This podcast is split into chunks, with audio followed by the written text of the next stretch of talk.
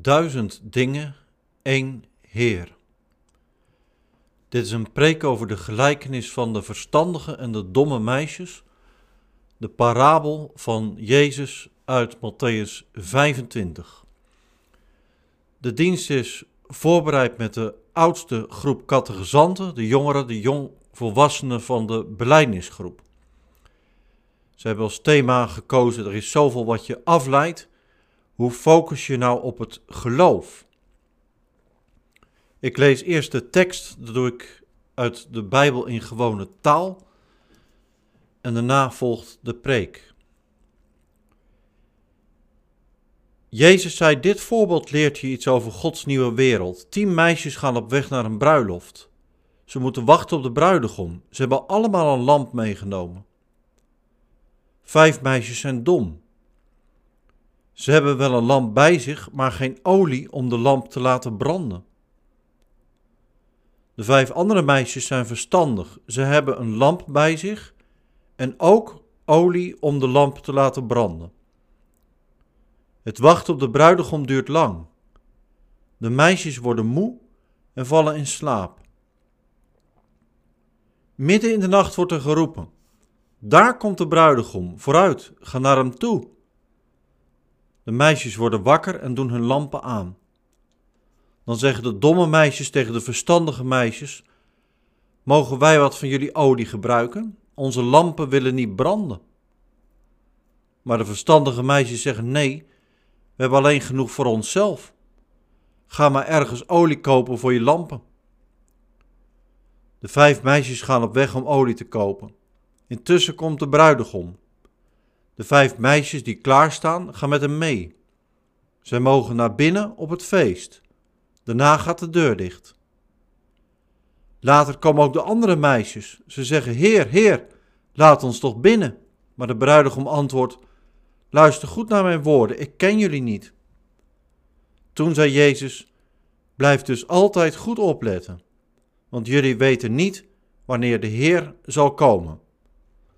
Tot zover het woord van God. Gemeente van de Heer, beste luisteraar. Een paar mensen deden deze een online pubquiz, corona-proof. Het was gezellig. Iedereen had thuis vooraf een tasje met versnaperingen gekregen. De sfeer zat er goed in. Maar op een gegeven moment ging bij een paar deelnemers de batterij van de tablet uit. Die hield ermee op. En toen wilden ze op een ander apparaat weer inloggen en meedoen met het spel. Maar de beheerder van de groep zei helaas, je kunt er niet meer in. Fijne avond nog verder. Dit verhaal, gemeenteluisteraar, is een knipoog naar wat we afgelopen zondagavond hebben gedaan. Toen deden we met de beleidingsgroep, die voor vandaag de jeugddienst heeft voorbereid, een pubquiz. Dat was ontzettend leuk. Ik moet erbij zeggen, totdat de verkeerde categorie vragen kwam, voor mij in ieder geval verkeerd, toen zakte ik hopeloos naar beneden af in de stand. Maar goed, kun je je nou voorstellen dat wanneer iemand problemen zou krijgen met de verbinding, dat die persoon vervolgens niet meer meedoet? Natuurlijk niet. De lol is juist dat je dat samen doet. En dat je ziet hoe fanatiek de een is en hoeveel de ander afweet van onderwerpen waar jij zowat niks van afweet. We hebben net geluisterd naar een verhaal van Jezus. Jezus vertelt over een bruiloft en bruiloftsgasten. Je zou ervan kunnen schrikken en bedenken: is het wel eerlijk dat niet iedereen binnen mag komen? Nou, die vraag hebben we bij een van de vorige jeugddiensten behandeld. Is God wel eerlijk? En vandaag gaat het over de vraag die de beleidingscategorisanten centraal hebben gesteld. Er is zoveel afleiding. Hoe blijf je bezig met het geloof? Ik wil weer terug naar het verhaal van Jezus. Iedereen die dat verhaal toen hoorde, begreep waar Jezus het over had. En had Jezus vandaag geleefd, dan had hij misschien iets van een verhaal verteld van een pubquiz of een ander feest. In ieder geval iets uit het dagelijkse leven. En voor ons gevoel zou het al behoorlijk asociaal zijn als je bij het verbreken van de verbinding niet meer mee zou kunnen doen. Nou, in de tijd en cultuur van Jezus geldt en gold dat helemaal. gastvrijheid staat hoog in het vaandel in het Midden-Oosten. Gasten laat je niet buiten staan. Lees Genesis 18. Laat staan genodigd voor een feest. En toch, het gebeurt in het verhaal van Jezus. De mensen moeten geschokt zijn geweest toen Jezus dit vertelde. Waarom zegt Jezus dit? Het tweede. Jezus vertelt in dit verhaal een gelijkenis. Allereerst over zichzelf. Jezus is de bruidegom, vers 1. Matthäus 9, vers 15. En Jezus zegt: Het wachten op de bruidegom duurt lang, vers 5. De gelijkenis hoort bij een toespraak die Jezus net heeft gehouden over zijn komst, Matthäus 24. Komt Jezus snel?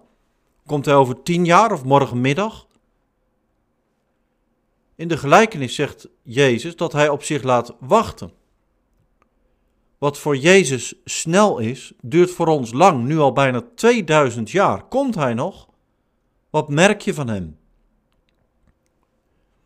Een van de jongvolwassenen zei bij de voorbereiding: Ja, kijk, op social media wordt soms forse kritiek geuit op het geloof of op gelovigen. En zou het dan niet handig zijn als Jezus zelf terugkwam en eens even vertelde hoe het nou zit? Maar, zegt Jezus in de gelijkenis, de bruidegom laat op zich wachten. Een paar andere van de jongvolwassenen zeiden: Het is zo lastig om bezig te zijn met het geloof. Er zijn zoveel andere dingen die moeten of die leuk zijn. Studie, werken, iets bijverdienen, het is ook nodig. Social media, noem maar op. De dinsdag, wanneer de categorisatie is, de zondag bij de kerkdiensten, zijn, zo zeggen de jongvolwassenen, een wake-up call. Zou het nou niet beter zijn als Jezus met macht en majesteit terugkwam? En dan ben je altijd bij de les. Maar Jezus is de bruidegom die op zich laat wachten. Waarom laat Jezus op zich wachten? Dat zegt hij er niet bij. Dat hoeft hij ook niet te zeggen. Hij is Heer. Wij zullen aan Hem rekenschap moeten geven. Matthäus 25, vers 19. Niet andersom. Toch is er wel iets. Je kunt zeggen, sinds hemelvaart al vragen gelovigen zich af waar Jezus blijft. Lucas vertelt in zijn boek Handelingen dat de discipelen, die dan apostelen zijn, omhoog kijken. Komt Jezus eraan? Maar ze worden aan het werk gezet. Jezus zegt: Je moet getuigen van mij. Maar Heer, ik heb een eigen bedrijf, zegt Petrus. En Johannes zegt: Heer, ik woon nog thuis, ik zit nog niet eens op kamers, zo jong was die. Maar de Heer deelt de opdracht uit. Kijk, dat maakt de gelijkenis over de bruiloft en de bruiloftsgasten mooi. De gelijkenis klinkt hard en asociaal. Maar het punt is, Jezus weet wat zijn volgelingen, Petrus, Johannes, jou en mij, te wachten staat. Dat het lang duurt. Zeker voor ons gevoel. Dat je in slaap kunt sukkelen. Dat er zoveel andere leuke dingen en verplichtingen zijn. Vooraf, zegt Jezus, val niet in slaap. Blijf op mij letten. Net zoals Jezus vooraf zegt dat hij zal lijden, sterven en opstaan uit de dood. Zo laat Jezus zien dat hij koning en heer is. Jezus weet wat komt. Voor hemzelf. Zie Hebreeën 12, vers 2. Jezus overziet het, de jaren en de eeuwen. Jezus kent de tijd waarin de christenen vervolgd worden om hun geloof. Jezus kent onze westerse cultuur waarin geloven niet vanzelfsprekend is. Jezus weet van onze geloofsvrijheid. Jezus kent jouw leven met alle verplichtingen en leuke dingen. Jezus kent jou. De Heer roept je om Hem te volgen. Nu het derde, praktisch. Hoe doe je dat dan? Hoe blijf je wakker, om het zo te zeggen? Hoe blijf je op Jezus letten? In de dienst zelf wil ik met de gemeente en de jongvolwassenen naar een filmpje kijken van EO Beam, Denkstof. Het heet Super Christen. Je moet even op mijn blog kijken als je de link naar dat filmpje wilt aanklikken. Heel kort, het gaat erover dat je je opgejut kunt voelen of tekort. Dat je voelt dat je tekort schiet in je geloof, alsof je geweldige dingen moet doen. Maar het beeld van Psalm 1 staat centraal. Geloof is als een boom. Een boom die groeit. En het mooie aan dat filmpje vind ik de ontspanning. Je bent al gered. Jezus kent je. Hij gaat je voor. Dat staat eigenlijk ook in de gelijkenis van de bruiloft. Je moet het goed lezen, vers 1. Alle bruiloftsmeisjes, alle tien, zijn al in het feestvertrek. Ze zijn al waar ze wezen moeten. Het gaat pas fout als ze te weinig hebben om naar buiten te gaan om de bruidegom binnen te halen. Trouwens, nog zo'n mooi detail is het je opgevallen. Jezus zegt dat alle meisjes in slaap zijn gevallen, vers 5. Ik denk als je het evangelie van Matthäus leest dat dat vooruitziet naar Gethsemane. De discipelen vallen daar in slaap, terwijl Jezus biddend strijdt. Het lijden in de ultieme vorm gaat voor hem beginnen. Maar iedereen valt in slaap, zegt Jezus. Het is niet zo dat de ene mens beter is dan de andere. Om het zo te zeggen, er zijn geen loser-gelovigen of supergelovigen. Jezus is een geweldige Heer, dat is het punt. Misschien heb je dat ook gehoord in de gelijkenis. Jezus zit op nog een andere manier verborgen in de gelijkenis. Hij is niet alleen de bruidegom van vers 1. Hij is ook degene die buitengesloten wordt, voor wie de deuren dichtgaan, die niet herkend werd, vers 10 en 12. Daarin spreekt Jezus over Gogolta. Gogolta is Gods wake-up call. De bruidegom heeft zijn gemeente eindeloos lief. Efeze 5. Hoe ben je wakker? Hoe let je op Jezus? Bedenk allereerst dat Jezus koning en heer is en maak dan inderdaad de dagelijkse keuze voor hem. Het filmpje van EO Beam gaat daarover. Een van jullie zei: Als er tijdens sport eens flink wordt gevloekt, zeg ik dat ze gerust mijn naam wel mogen gebruiken, in plaats van Gods naam. Super, jij laat merken dat je bij Jezus hoort. Jezus zal dan tegen jou niet zeggen dat hij jou niet kent, vers 12. Integendeel, je bent welkom op zijn feest. Een ander zei, op Insta volg ik een account met bijbelteksten. Nou, prachtig. Zo blijf je verbonden met Gods woorden.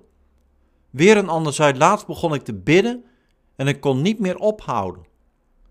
Wat bijzonder, dat is de Heilige Geest in jou. Ja, leven met Jezus gaat met ups en downs. Dat zal zo blijven. Al kan het door Gods genade wel zo zijn dat de basis er is. Waar het om gaat is de groei. En dan zie je ook waarom Jezus op zich laat wachten. Groei gaat niet van de ene op de andere dag. Gods koninkrijk is als een boom, Psalm 1. Het is als groeiend graan dat op een dag wordt geoogst, Matthäus 13.